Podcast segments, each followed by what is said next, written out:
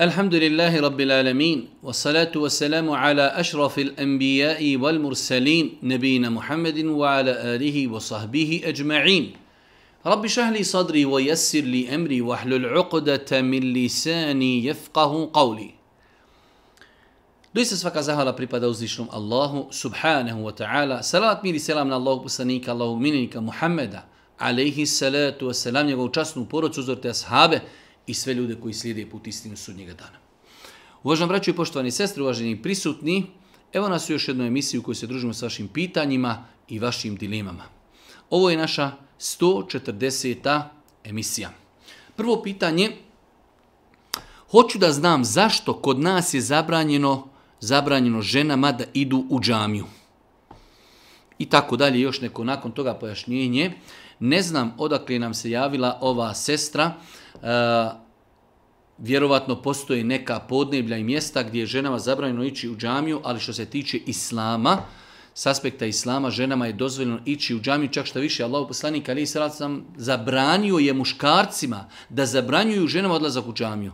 La temne'u, Boži poslanik, nemojte zabranjivati ženama da idu u džamiju nemojte ženama zabranjivati da idu u džamiju. Tako za, za vrijeme Božih poslanika, ali sram, ashabike su dolazile u džamiju, pristovali su i džumi namazu, i namazima svakodnevni, i bajram namazu, s tim što žena prilikom odlaska u džamiju treba da pazi e, na svoju odjeću, da ne bude namirisana, da ne bude našminkana, da u njenom izlasku nema nikakvih šerijetskih prekršaja, ali u osnovi da žena ide u džamiju, da pristoji namazu, u džematu, nema nikakve smetnje, iako namaz u kući je vrijedniji.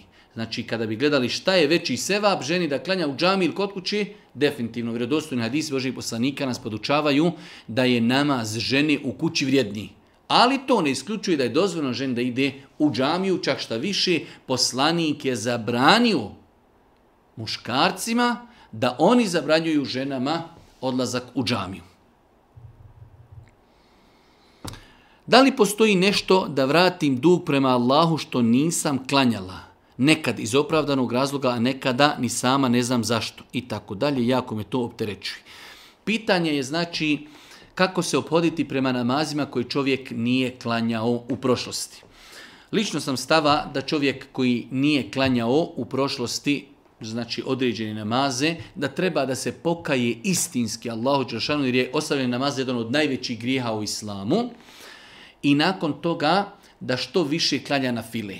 Ali sada e, naklanjavati te namaze, iako velik broj čenjaka je smatrao da osoba koja nije klanjala to mora naklanjavati, ali po meni ne postoje jasni argumenti na osnovu koji bi obavezali nekoga da naklanjava namaze i da procjenjuje broj namaza, e, ono što, što može se u takvoj situaciji reći jeste da se čovjek treba pokajati, da se pokaje i što više da klanja na fila dobrovoljni namaza, da to ako Bog da, znači što je griješio na domjesti dobrovoljnim namazima.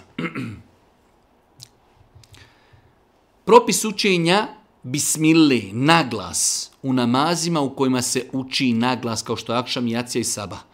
Znači imamo pitanje e, da da li je dozvoljno, da li ima potrebe da kada se uči na sabahu, na akšamu i na jaciji, da imam prije nego što počne učiti fatihu, kaže Bismillahirrahmanirrahim, Elhamdulillahi rabbil alami i tako dalje. Pa kada završi fatihu opet kaže Bismillahirrahmanirrahim, vatini vazajtun. Da li je potrebna ta bismila da se uči na glas? Znači, kada se klanjaju namazi, svakako da se uči subhaneke, uči se uza, uči se bisminla. Da li se bisminla uči naglas? To je pitanje. E, većina islamskih učenjaka je smatrala se bisminla ne uči naglas. Većina islamskih učenjaka smatrala da, je, da se bisminla ne uči naglas. Znači, uči se ona, ali u sebi. Znači kada počnemo u namaz, donosimo početni tekbir, učimo početnu dovu subhaneke, učimo euzu, učimo bisminlu. To sve ide u sebi. Nakon toga imam počinje učiti na glas Elhamdulillahi Rabbil Alemin. Enes radijallahu ta'alanhu, asha Božih poslanika, sluga Božih poslanika, kla, kaže, klanjao sam za poslanikom, klanjao sam za Ebu Bekrom, klanjao sam za Omerom, nikada niko od njih nije učio na glas bisminlu, kada bi počinjao kirajet, već bi počinjali od riječi Elhamdulillahi Rabbil Alamin. Tako da, znači, e, nema potrebe da se uči bisminla naglas, pogotovo kada u pitanju naše podneblje, e, kod nas je zastupljen hanefijski mezeb, po hanefijskom mezebu e, bismila se uči u sebi, tako da nema potrebe da se u nekim džamijama, hajde da kažemo, uči bismila, a u većini džamija ne uči. Iako, ako bi to neko radio iz ličnog uvjerenja, treba mu ostaviti pravo da odabere to mišljenje, ali isto tako treba uvažiti znači sunnet koji smo spomenuli od Enes radijalotranu, a isto tako uvažiti mezeb koji je prisutan na našem podneblju. U mjestu gdje živim na vaktiji piše da zora nastupa u 2.25, a izlazak sunca je u 5 sati. Ja klanjam kad nastupi zora da li mi je namaz ispravan. Znači, imamo situaciju, ne znam koji je grad, ne znam koje je mjesto, e, prema ovoj vaktiji sabah namaz traje od 2.25 do 5 sati. To znači traje 2,5 sata. Ovo je apsolutno, Allah najbolje zna, bez obzira u kome se radi i gdje se radi, ali e, neispravno. Znači, maksimalno u najdužim ljetnim danima sabahsko i akšamsko vrijeme može trajati sahat i pol. Tako da e, ne preporučujemo ako znamo da sunce izlazi u 5. Pa idemo nazad 4, pa još pola znači u 3 i 30. Od 3 i 30 se može početi klanjati saba. Sve što je prije toga po mom ličnom nekom uvjerenju je upitno. Znači uvijek sebi postavimo kada je sunce, kad izlazi i vratimo se unazad sahat i pol ako negdje žurimo, znači sahat i po, znači prije izlaska sunca možemo klanjati sabah. Sve prije toga, Allah najbolje zna, je upitno. Ovo govorimo za neke normalne uvjete Bosna, Balkan, Makedonija, Albanija, Turska, Saudijska Arabija i tako dalje. Ovo se ne odnosi na određene države gdje dan traje duže, noć traje duže, izlazak sunca traje drugačije i tako dalje. Ovo se odnosi, znači, E, sat i po e, trajanje sabaha i akšama, znači e, za neke države u kojima imamo normalno, normalan dan i noć. Tako da u ovakvim situacijama, znači ako sunce izlazi u 5 sati, maksimalno kada možemo početi klanjati sabah jeste sahat i po prije izlaska, a to bi bilo u 3.30, u pola 4. Od pola 4 pa dalje, inšala, možemo klanjati sabah. Da li je dozvoljeno klanjati jaciju do početka narednog namaskog vremena, to jest do sabaha, ili se mora klanjati do ponoći? E, Allah najbolje zna e, jacijsko vrijeme za osobe koje nemaju vandredni e, situacije i izazove traje do pola noći. Znači muslimanima je obaveza da jaciju namaz klanjaju od nastupanja jacije do pola noći. Osim što su islamski učenjaci, zato što nakon jacije do sabaha je, da kažemo, prazan period u kojeg nema nikakvog namaskog vremena, spomenuli, si, spomenuli su da ako se radi o nekim vandrednim situacijama, kada čovjek doista nije nikako mogao da stigne da klanja jaciju do pola noći, da može klanjati i nakon pola noći. Ali vjernik bi trebao maksimalno se potruditi da klanja jaciju do pola noći. Ako ne uspije, onda će klanjati i nakon pola noći. Danas postim dan Arefata kao što je i poznato. Ja sam totalno zaborio da postim i pojao sam sljedeći, pojao sam dva, popio sam dvije čaše limunade, jedan sladoled i tri rijeda čokolade. Da li je moj post ispravan? Znači ovdje je čovjeka zbunilo to što je on pojeo i popio malo više hrane. Mislio je da se propis zaborava odnosi samo na osobu koja nešto malo pojedi. Allah poslanik Ali Salam u vjerodostavnom Adisu je kazao kada neko posti pa zaboravi neka u potpuni post. To ga je Allah nahranio i napojio. Ovdje nije precizirano koliko je pojeo. Tako da insan ako bi doista postio i farz i na filu i zaboravio tamam da je pojeo tamam da je pojeo dvije porcije čevapa da je popio 2 litra vode bez obzira samo je bitno da je to sve uradi u zaboravu i onog momenta kada se sjeti da odma prekini da ono što ima u ustima da izvadi njegov post je znači ispravan jasno božji poslanik kaže feliu timme saumehu neka upotpuni svoj neka nastavi post toga je Allah nahranio tako da ako se desi čovjeku kada posti na filu ili farze, da zaboravi. I jednostavno u toku dana, pogotovo na početku Ramazana se to dešava dok ljudi ne dobiju naviku da poste, pa neko popije vode, neko proba nešto, neko kolač, neko pitu i tako dalje. Sve dok to radi u zaboravu, treba znači samo kad se sjeti da nastavi postiti, da prekine e, znači i jelo i piće i njegov posti ako Bog da ispravan.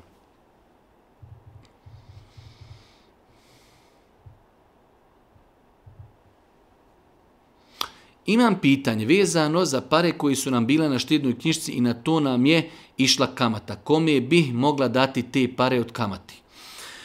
Prva stvar muslimanu nije dozvoljeno da stavlja pare na banku na koje će uzimati kamatu. Čovjek vjernik bi trebao da pokuša iznaći neki drugi modul, ako već mora ostaviti pare na banci, da to ne bude znači oročivanje gdje će uzimati kamatu.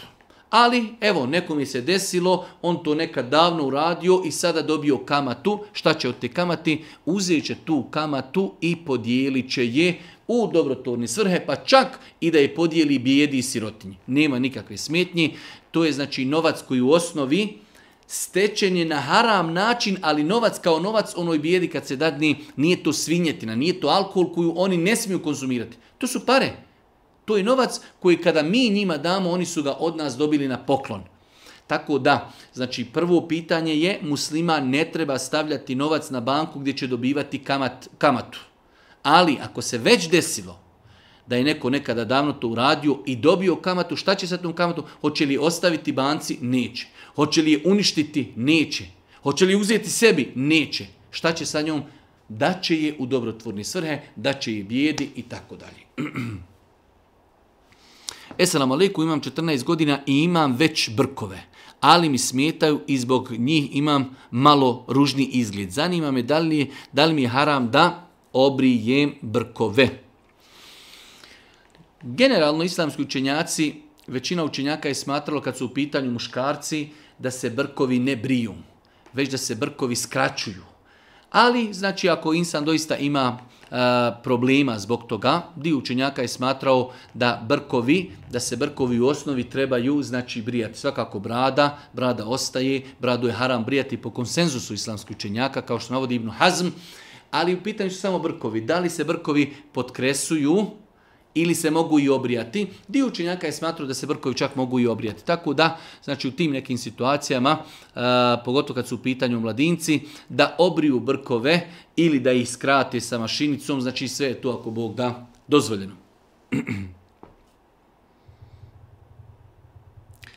Deveto pitanje, zanima me da li je muslimanu dozvoljeno nositi srebreni lanac, narukvicu i prsten? E, kada je u pitanju musliman muškarac, muškarcima je dozvoljeno i znači to je bila praksa Božijeg poslanika da nosi srebreni prstin. Znači muslimanima je dozvoljeno da nosi srebreni prstin.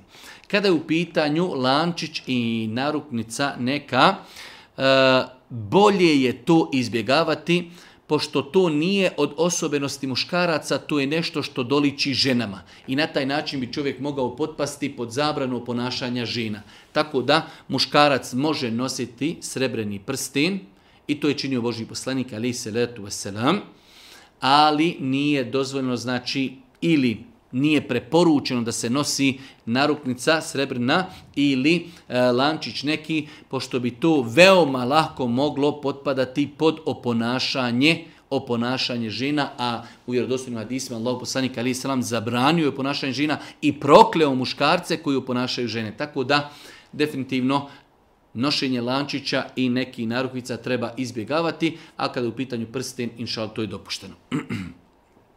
Deseto pitanje, Više puta umjesto da ubijem muhu u kući, ja je uhvatim rukom i pustim kroz prozor, jer se bojim grijeha. Da li je grijeh ubijati muhe i komarce u kući? Ovo je opet jedan lijep pokazatelj da imamo toliko bogobojazni osoba da se ljudi boje ubiti muhu ne želeći da uradi grijeh.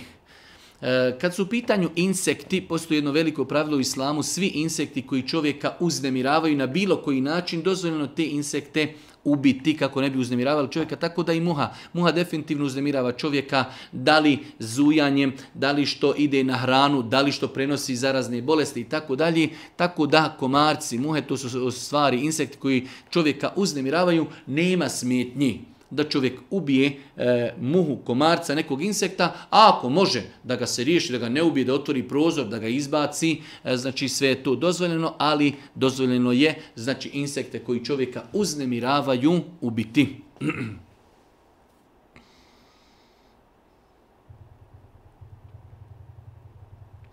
Htjela sam vas pitati da li smeta ako se stavi umjetne trepavice za abdest i da li možemo s njima da klanjamo. Kada su u pitanju, znači, postavljanje vještačkih trepuška ili trepavica, e, Allah najbolje zna ako bi osoba abdestila i to postavila i klanjala sa tim namaz inšala ispravan abdest. Ali nakon što postavi, ako izgubi abdest i želi ponovo da abdesti, e, E, ja lično smatram da je bolje se klonuti takvi stvari pošto te trepuške ne mogu same po sebi stajati. One moraju biti zalijepljene za jedan dio ljudskog tijela, a taj dio tijela treba u osnovi da se skvasi i da se opere prilikom abdesta. Tako da definitivno bolje je ispravnije je da žene ne nose vještačke trepuške, ako će ih stavljati onda da ih stavi u periodu kada su u mjesečnici, kada su u hajzu, u nifasu ili nakon što obavi određen namaz pa do sljedećeg namaza. Ako im to predstavlja poteškoću, onda to ne trebaju ni stavljati.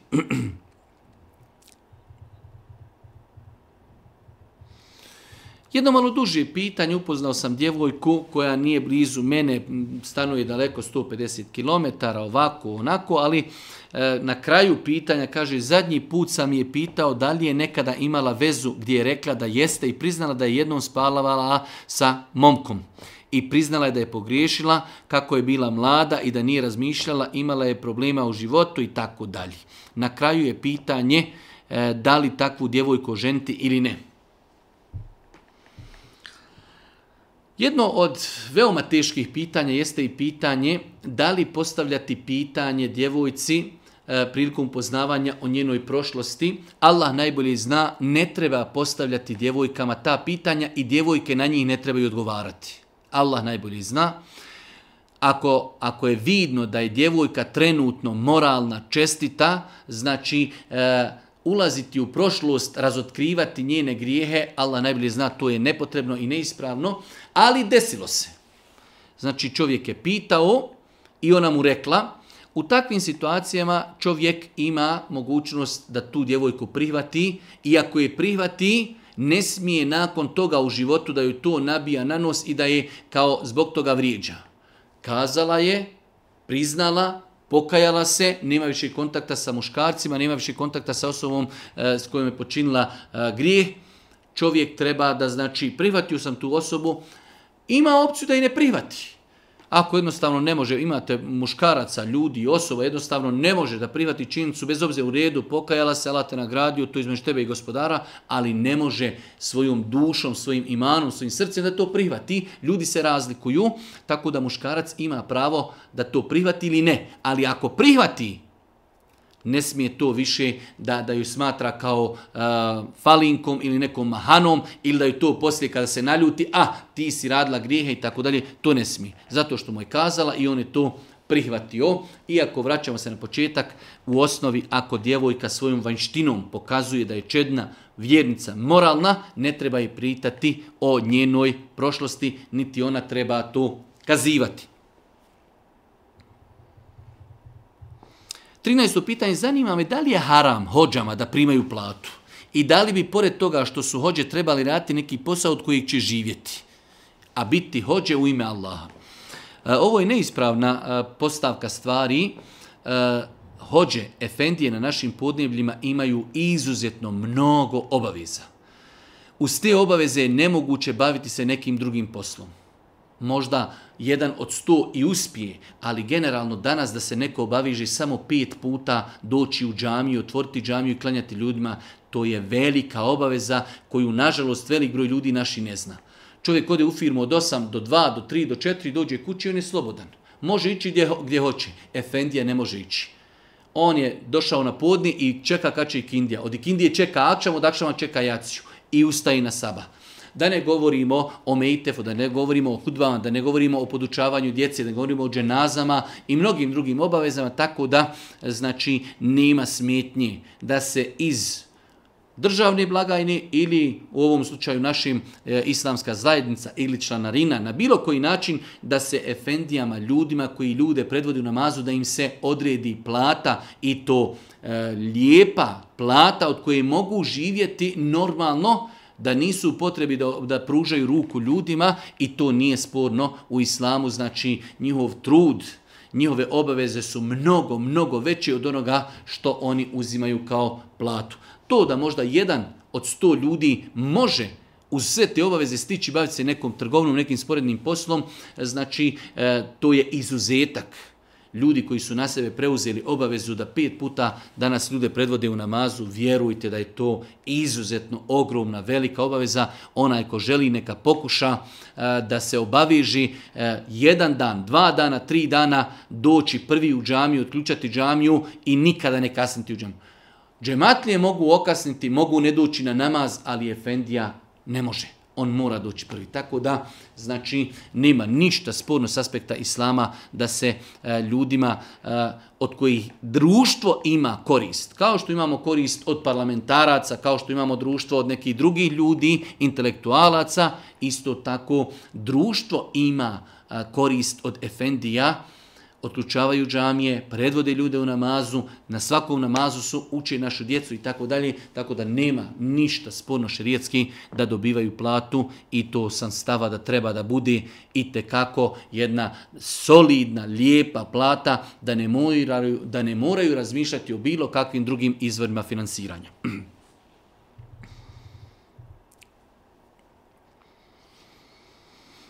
Jedno malo duže pitanje u kojim stoji da se jedna naša sestra pokrla i njena, njena rodbina je ne prihvata, dosta puta ismijavaju, ona kada vidi da oni one kome pričaju, ona ih upozori, onda se oni ismijavaju na način da kažu onaj, valjda će nam Allah uvažiti i oprostiti zato što si ti među nama, ti si pokrivena, ti klanjaš i tako dalje. Kako se obhoti prema takvim osobama?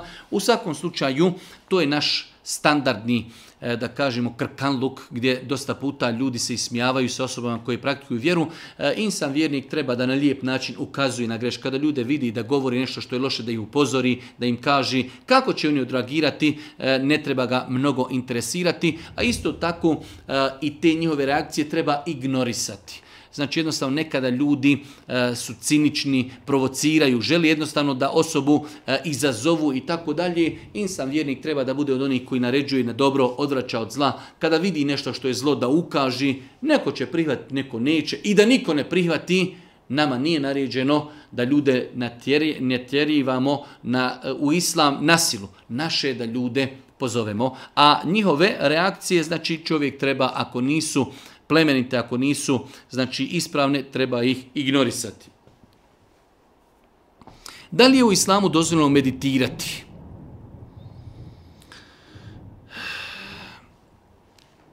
Meditacija, onako kakva je poznata danas u svijetu, u većini slučajeva vezuje se za korijene budizma. Tako, znači, knjige meditacije, o meditaciji govori da se većina savremenih načina metoda meditiranja vezuje za budizam. Samim time, znači, to ima svoju e, ideološku pozadinu i zato ćemo naći na čuvenom islamskom web sajtu Islam Ka od šeha Salihamu Neđida, E, pitanja i odgovori e, gdje, e, gdje su oni izdali fetvu da je bilo koji vid meditacije strogo islamom zabranjen zbog njegovih ideoloških pozadina i zbog mnogih nekih drugih stvari, tako da ja ne savjetujem nikako muslimane da ulazi u ta područja. Već neko vrijeme se bojim da imam problem sa šetanskim dodirom, mesom kada trebam zaspati osjetim rad mišića u nogama ili da se trznim usnu. Najgore od svega toga što sam psihički jako loše. Ne raduje me ništa više. Svi bježe od mene i tako dalje. Savjet. E, ovo su, da kažemo, neki klasični simptomi koji uopće ne moraju značiti automatski da osoba ima problema sa džinima i šeitanjima. Znači ako se insan nekada usnu trzne, ako mu mišići zaigraju, to uopće ne mora znači da čovjek ima problema sa džinima. Ali evo, i da čovjek ima problema sa džinima, ne treba, znači kao što ovdje je došlo da, da jednostavno čovjek kaže psihički sam jako loše, ne raduje me ništa, svi ljudi bježe od mene, žele moje društvo, Čovjek treba da se vrati Allahu, da uči Kur'an, da što više zikri, da ode kod nekoga ko liječi rukijom, da sam sebi uči rukiju, da se vezuje za svoga gospodara. To što ljudi bježe od njega, to uopće ne treba da ga znači, e, dotiče, treba jednostavno da, da to ignoriši. To pod pretpostavkom da je insan bolestan. Ja lično ne smatram da ova dva simptoma e, znači, ukazuju da je insan bolestan, čovjek treba da jednostavno to da ignoriši, ali ako se ispostavi i da ima problema, znači učiti sam sebi rukiju, jutarnji zikr, večernji zikr, učenje Kur'ana, ignorisanje šetanskog došaptavanja, odlazak od ljudi koji ispravno uči i uz Allahog pomoć insan će se izliječiti.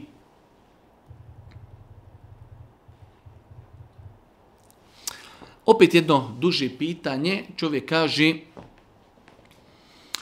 Često mi se javljaju misli koje se odnose na ispravnost i upitnost mog namaza, gusula, abdesta i tako dalje. E, problem ovog našeg brata jeste da on je svjestan da su to šeitanski napadi i vesvese. Da li mi je namaz ispravan, da li trebam ponoviti, da li sam nešto preskočio i tako dalje. Dugo je pitanje, ali rezime je pitanje. Čuo je i vidio je i pročitao je da je najbolji vid borbe protiv vesvesa ignorisanje. Ali pogledajte kako sada šetan, on kada to ignoriši šetan mu kaže, a ti si nemaran prema vjeri. Vidite, šetan je njemu sada udario kontru, znači on želi da ignoriši šetanovo došaptavanje o namazu, o postu, o abdestu, o gusulu i tako dalje. Ignoriše, onda mu šetan kaže, a vidi kako si ti nemaran prema, prema a, ibadetima. A, vjernik treba da poduzme, da obavi ibadete na što bolji i puni način, a nakon toga, da ignoriše bilo kako došaptavanje šetanovo nakon znači što završi i ibadet vjernik se ne treba osrtati na bilo koju verziju vesvisa. Pa ti si nemaran, pa preskočio si. Nakon bilo kojeg ibadeta čovjek ne treba da se osrči na znači vesvese došaptavanja i to je najbolji lijek e, znači borbi protiv e, došaptavanja i vesvesa da čovjek to ignoriši. pitanju vezi alkohola. Ja ne pijem i ne mogu nekog počastiti ako pije, ali smijem počastiti osobu druge vjere s alkoholom kad već smo eh, kad već samo to pije ako smo u društvu i tako dalje. Eh, pitanje znači čovjek ne pije, a da li može da sjedi u društvu gdje se pije i da nekada počasti nekog od prijatelja ko ne pije ništa osim alkohol. Uh, u osnovi vjerniku nije dozvoljeno da sjedi za trpezom i za stolom gdje ima alkohol. Allah poslanik ali sallam u vjerodostojnom hadisu, e, znači hadis koji bilježi imam Ahmed, koji je šeha Albanio cijeno vjerodostojnim, stoji da je Allah poslanik kazao ko vjeruje u Allaha i sudnji dan, ne treba da sjedi za trpezom, za stolom na koju ima alkohol. To je prva zabrana, mi ne pijemo, ali ne treba da sjedimo jer naše sjedenje tu je odobravanje. Pod jedan, pod dva, nema nikakve opcije ni verzije da mi nekome platimo. Ali to što on nevjernik, to što on nemusliman, nikako nama ne znači da mi to možemo, to je zabranjeno, znači zabranjeno da mi nekom platimo i zabranjeno sjediti za stolom bez obzira što mi ne pijemo, zabranjeno sjediti za stolom gdje ima alkohola.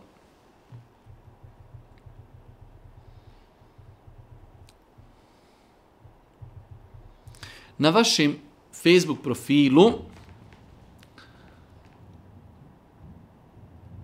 u komentaru sam objavio sljedeći hadis. Znači, jedna osoba je kod nas u komentarima objavila hadis u kojim stoji doći će vrijeme kada će čovjeku biti draži da odgoji pseto nego da odgoj, odgaja svoje dijete. Znači, ovaj hadis je neko postavio kod nas u komentar pa smo mi odgovorili na taj komentar, dobila sam odgovor od vas da prije citiranja hadisa dobro provjerimo vjerozostojnost hadisa. Znači, desilo je se da je određen posjetitelj muško ili žensko kod nas objavio ovaj hadis, pa sam ja lično napisao da prije nego što ljudi objave neki hadis trebaju provjeriti provjeriti vjerodostojnost. Nažalost, mi živimo u vremenu kada ljudi vole da dođu sa nekim čudnim hadisom kojeg skoro pa niko ne poznaje, da se ljudi jednostavno začude da ima hadis na tu temu. E, pa me onda ova osoba upitala o vjerodostojnosti ovog hadisa, pošto taj hadis je našla na dvije različite internet stranice. E, da, nije, e, nije dokaz da je određen hadis jer dosam to što možemo ga naći na internetu. Jedini hadisi koji se ne provjeravaju jesu hadisi iz Buhari i Muslima. Svi drugi hadisi, čak možete naći na internetu hadis piše bilježi ga Ebu Davud, Tirmizija, to ništa ne znači. Moramo se vratiti na ocjenu tog hadisa.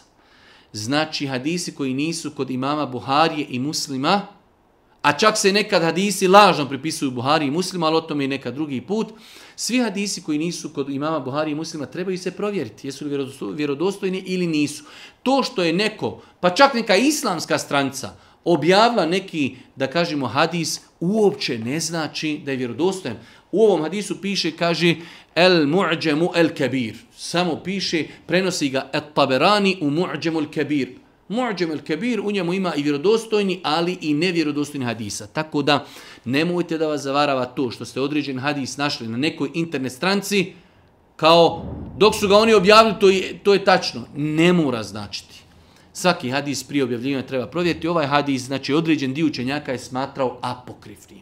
Ovaj hadis, znači u kojem znači, stoji da je kao rekao Boži poslanik, doće vrijeme kada će čovjek, čovjeku biti draži da odgaja pseto nego da odgaja svoje dijete, neki učenjaci smatraju da ovaj hadis lažna poslanika. Tako da ne trebamo se igrati da učestvujemo u prenošenju i afirmisanju laži na Božih poslanika, ali i sebetu je sram. 19. pitanje, onaj ko obavi hađ ili umru, bedel, za nekog drugog, da li samo hađ i umra se ubrajaju u dobra dijela za osobu koju je namjenjenu, a namaz e, koje klanja je za osobu koju obavlja? Da. Znači, kada neko ide da obavi umru ili hađ za neku mrtvu osobu, ono što obavlja za nju od umre i hađa, to pripada toj mrtvoj osobi. Ali ne može namaz koji taj insan klanja u Mekki i u Medin da pripada toj mrtvoj osobi. Zato ljudi i idu da obavljaju za nekoga bedela, između ostalog, znači čovjek kada ide obavlja bedel hađ za nekoga, on boravi za njega na refatu, ali on dovi, dovi svakako i za metal, dovi za sebe, ide u meku klanja, svakako da ti namazi su za onoga ko obavlja bedela. Tako da, znači kada se obavlja bedel hađ ili umra za mrtvu osobu, samo ibadeti umri i hađa pripadaju mejitu za kojeg se obavlja. Dok dove, pijenje zemzema, dok e, namazi na file, to pripada onome ko to uradi, a ne onome za koga se obavlja bedel hađ. 20. pitanje. Siguran sam da ste upućeni sa konceptom učenja Surije Jasi našim mrtvima i veoma je rasprostranjeno plaćanje, plaćanje nekoga da to radi za nas. Na primjer, meni moja obitelj plaća da učim Jasin nekim njovim rođacima i tako dalje. Na mnogim mjestima i web sajtovima piše da je to bidat i novotarija, interesuje me vaš stav. Definitivno, učiti Kur'an za pare je zabranjeno. Nikada nijedan od četiri mezheba, pa čak i naš hanefijski mezheb to nije dozvoljavao. Znači, uzimati pare za ibadet, uzimati, kur, uh, uzimati pare za učenje Kur'ana je zabranjeno, znači prema stavu četiri pravne škole, tako da insan se ne treba poigravati sa takvim stvarima. 21. pitanje, ja sam imao odnos, intimni odnos sa svojom budućom hanumom koju želim u skorije vrijeme da oženim. Da li se meni to smatra kao blud zato što ću ja nju uskoro ženiti? Apsolutno da. Svaki kontakt prije vjenčanja je strogo zabranjen, znači u smislu intimni kontakt ili dodir ili poljubac ili zagrljaj, sve prije vjenčanja je zabranjeno. Tako da ako je insan već imao intimni kontakt, to je grijeh, to je haram, to je blud, treba se pokajati od toga. Treba se pokajati od toga, znači bez obzira što je zakazan termin vjenčanja, znači sve dok se ne vjenčaju, oni su jedno drugom zabranjeni haram.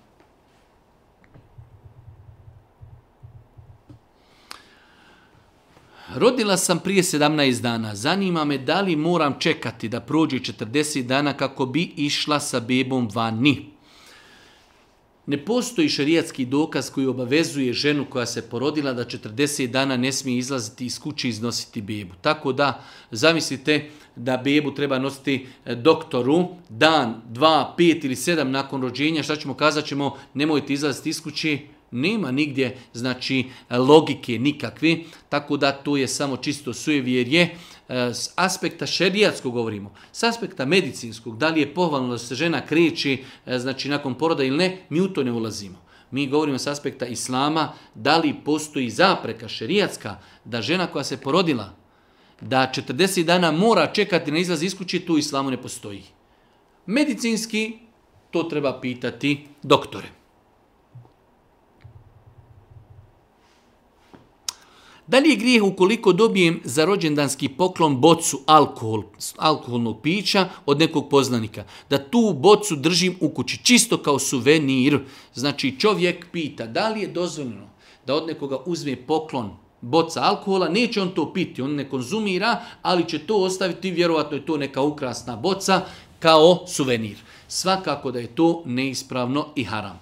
E, znači, u osnovi ne treba takav poklon uzeti. Kažu islamski učenjaci, zabranjeno je uzeti alkohol kao poklon. Ali, ako se desilo da je možda neko ostavio poklon, mi nismo ni vidjeli kesa, nešto bilo zapakon, alkohol. Onda to čovjek treba prosuti i uništiti. Čak šta više, ne može dati nekom drugom, niti može nekom prodati. To treba samo proliti i uništiti.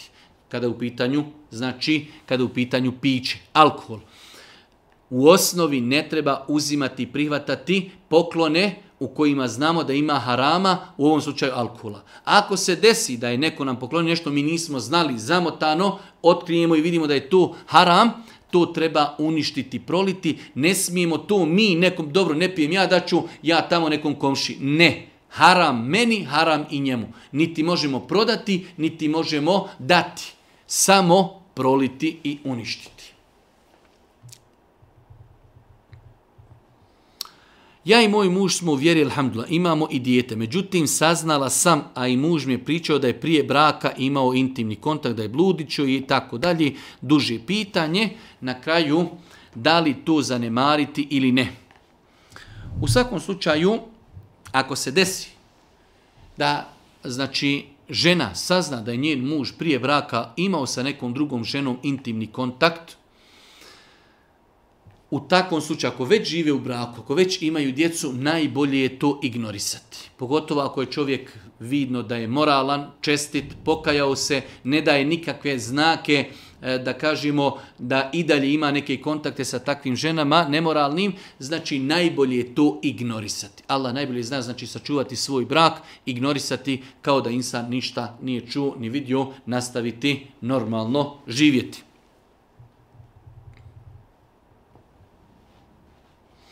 pošto u zadnjih godina smo počeli da klanjamo Bajram namaz u sali, u toj sali se prave veselja i toči se alkohol, ali taj dan kada mi klanjamo, normalno da nema alkohola. Pitanje je da li možemo klanjati tu Bajram. Znači imamo pitanje da imamo neku skupinu ljudi koji klanjaju Bajram namaz u nekoj sali. U toj sali se organiziraju i druge neke manifestacije gdje se nekada i toči alkohol, ali taj dan kada oni klanjaju Bajram nema alkohola. U osnovi takav postupak je ispravan. Ako bi čovjek mogao naći drugu salu u kojoj se nikako ne toči alkohol, to je definitivno bolje. Ali ako nema druge sali, onda je nama bitno da mi taj dan kada obavljamo svoj ibadet, nema alkohol, da se alkohol ne nudi, iako Bog da ne smatram da nema ništa a, e, sporno i da je svakako namaz obavljen tu ispravan. Imam jedno pitanje u vezi namaza, kad hođa predvodi namaz – na primjer, na steždi smo, a hođa kaže Allahu Ekber, da li je pravilnije odmah podići glavu pri samom znaku izgovaranja Allahu Ekber ili sačekati da sve izgovori? Znači, pitanje je jedno lijepo pitanje, konkretno e, kada smo u namazu, da li počinjemo slijediti imama od onog momenta dok čujemo da je rekao Allahu Ekber ili čekamo da završi sa izgovaranjem riječi Allahu Ekber. Islamski učinjaci su kazali da u pogledu slijedženja imama mi koji klanjamo iza imama možemo biti u jednoj od dvije situacije.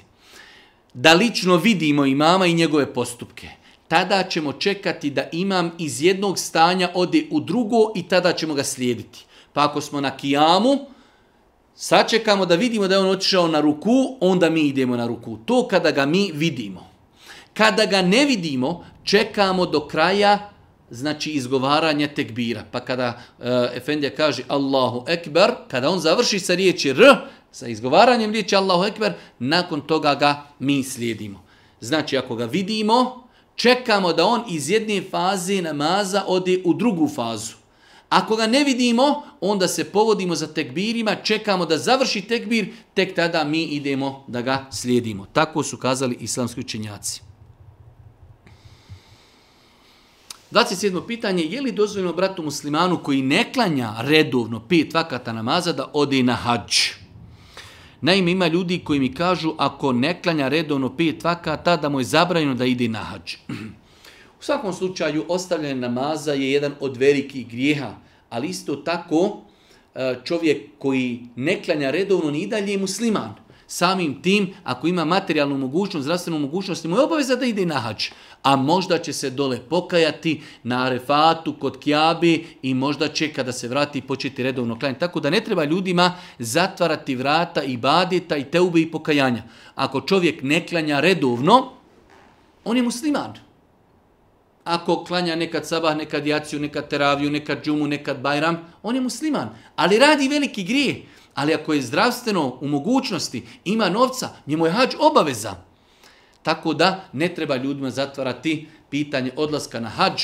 Nek ide na hađ, neka moli Allah Đelšanu na refatu da ga učrsti i da mu oprosti grijehe i ne bi li se ozdol vratio oko Bog da je počeo redovno obavljati namaz. Selam alaikum, da li je širijetski dozvoljen kredit koji ima kod nas u našem gradu?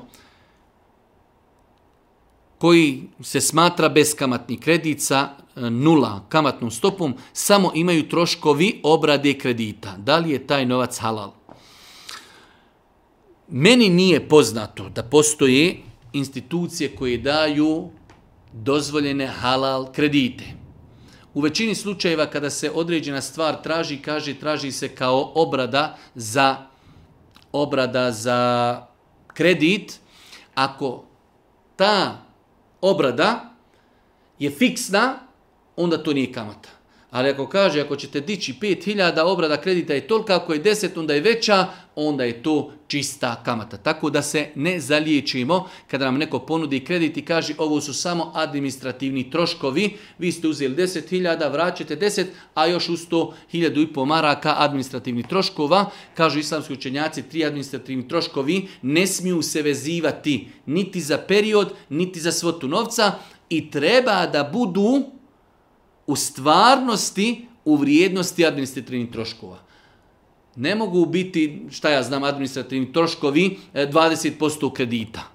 Tako da čovjek treba da se pazi, danas imamo dosta ti nekih e, znači, fondacija, institucija, beskamatni kredit, a kada sjednete, kada izračunate, kod njih procenat kamati u osnovi veći je nego tamo kod onih koji jasno kažu da je to s kamatom.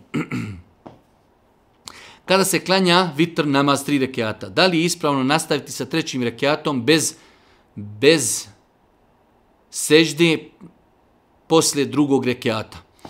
E, mislim da je ovdje greška. Znači čovjek koji klanja vitr namaz, želi da klanja tri rekiata, može klanjati na jedan od dva načina. Može klanjati dva rekiata, pa učiti etahijatu salavati i predati selam. I ustati klanjati još jedan rekiat. I nakon toga opet predselam. To je jedan način. Imamo drugi način da klanja tri rekiata jedan za drugim. Klanja prvi rekiat, pa klanja drugi rekiat i klanja treći. Odmah ustaje na treći. Uradio je znači dva, dva rekiata, dvije sežde i nakon sežde ustaje. Ne sjedi na etehijatu. Sjedi na etehijatu samo je zabranjeno u vjerodostojnim hadisima, Boži poslanik je zabranjeno da se vitr namaz klanja kao akšam. Akšam namaz se klanja na način da posle drugog sjedimo na etehijatu. Zato mi kažemo ili ćemo ostati etehijatu i salavate i predati selam, ili nećemo sjedati nikako. Obje te opcije su, inša Allah, ispravne. 30. pitanje, da li je muškarcima dozvoljeno da nose bijelo zlato? Da li je muškarcima dozvoljeno da nose bijelo zlato? Bijelo zlato poznato kod nas danas u zlatarama, tu je u osnovi zlato, žuto zlato, u kojeg se dodaju određene e, legure samo zbog boje tako da u osnovi to je zlato koji u osnovi zabranjeno muškarcima. E, tako da ne treba da zavarava boja bijelo zlato, bijelo zlato u osnovi to je žuto zlato, samo što je dodata legura u to zlato i samim tim muškarcima nije dozvoljeno nositi bijelo zlato. Da li je zabranjeno imati televizor u kući? Televizor u kući, kao i svaka druga stvar, može se koristiti na halal ili na haram način. Kao što imamo mobitel, pa ga možemo koristiti na halal na haram način, isto je pitanje sa laptopom, isto je pitanje sa autom, isto je pitanje sa mnogim drugim stvarima koji se mogu koristiti na halal i na haram način, pa se ne postavlja pitanje vezano za televizor, već postavljamo pitanje za korištenje imate osoba kojima je internet haram, i mobitel mu je haram, i laptop mu je haram, i auto mu je haram, zato što ga koristi na haram način. Tako i televizija. Čovjek putem televizije može gledati korisne emisije, naučne emisije, e, političke emisije, analize, vijesti tako dalje, ali isto tako putem televizije može gledati filmove, serije, pornografiju i mnoge druge zabrajene stvari, muziku. Znači tako da e, pitanje televizije je pitanje šta mi gledamo putem televizije. I posljednje pitanje, 32. Esselamu alaikum, možete li mi reći i objasniti značenje kada se rodi dijete osunnećeno? Sve kako treba, ima li to neko posebno značenje. E, to što se neko dijete rodi osunećeno nema nikakvo značenje da je to dijete nešto posebno i svijeto. To je obično dijete koje Allah s.w.t. počastio i dao da se rodilo osunećeno. Tako da, ostaje pitanje da li takvu djecu treba sunetiti ponovno ako je doista rođeno potpuno osunećeno, onda nema potrebe da se više e, poduzima bilo kakav hiruški poduhvat ako je potpuno sunnečeno. Ako je znači djelimično osunnečeno, onda znači treba da se sunnečenje obnovi kako bi se potpuno obavilo sunnečenje, a da li je to dijete nešto posebno, ni po čemu nije posebno, osim što je se jednostavno rodilo osunnečeno, ali više nikakvi posebnosti nima. Molim Allah subhanahu wa ta'ala da nas učite na putu istine, podari korisno znanje na kraju. Subhaneke, Allahumma bihamdike, ešhedu in la ilaha illa anta, astaghfiruke wa atubu ilejk. Oh.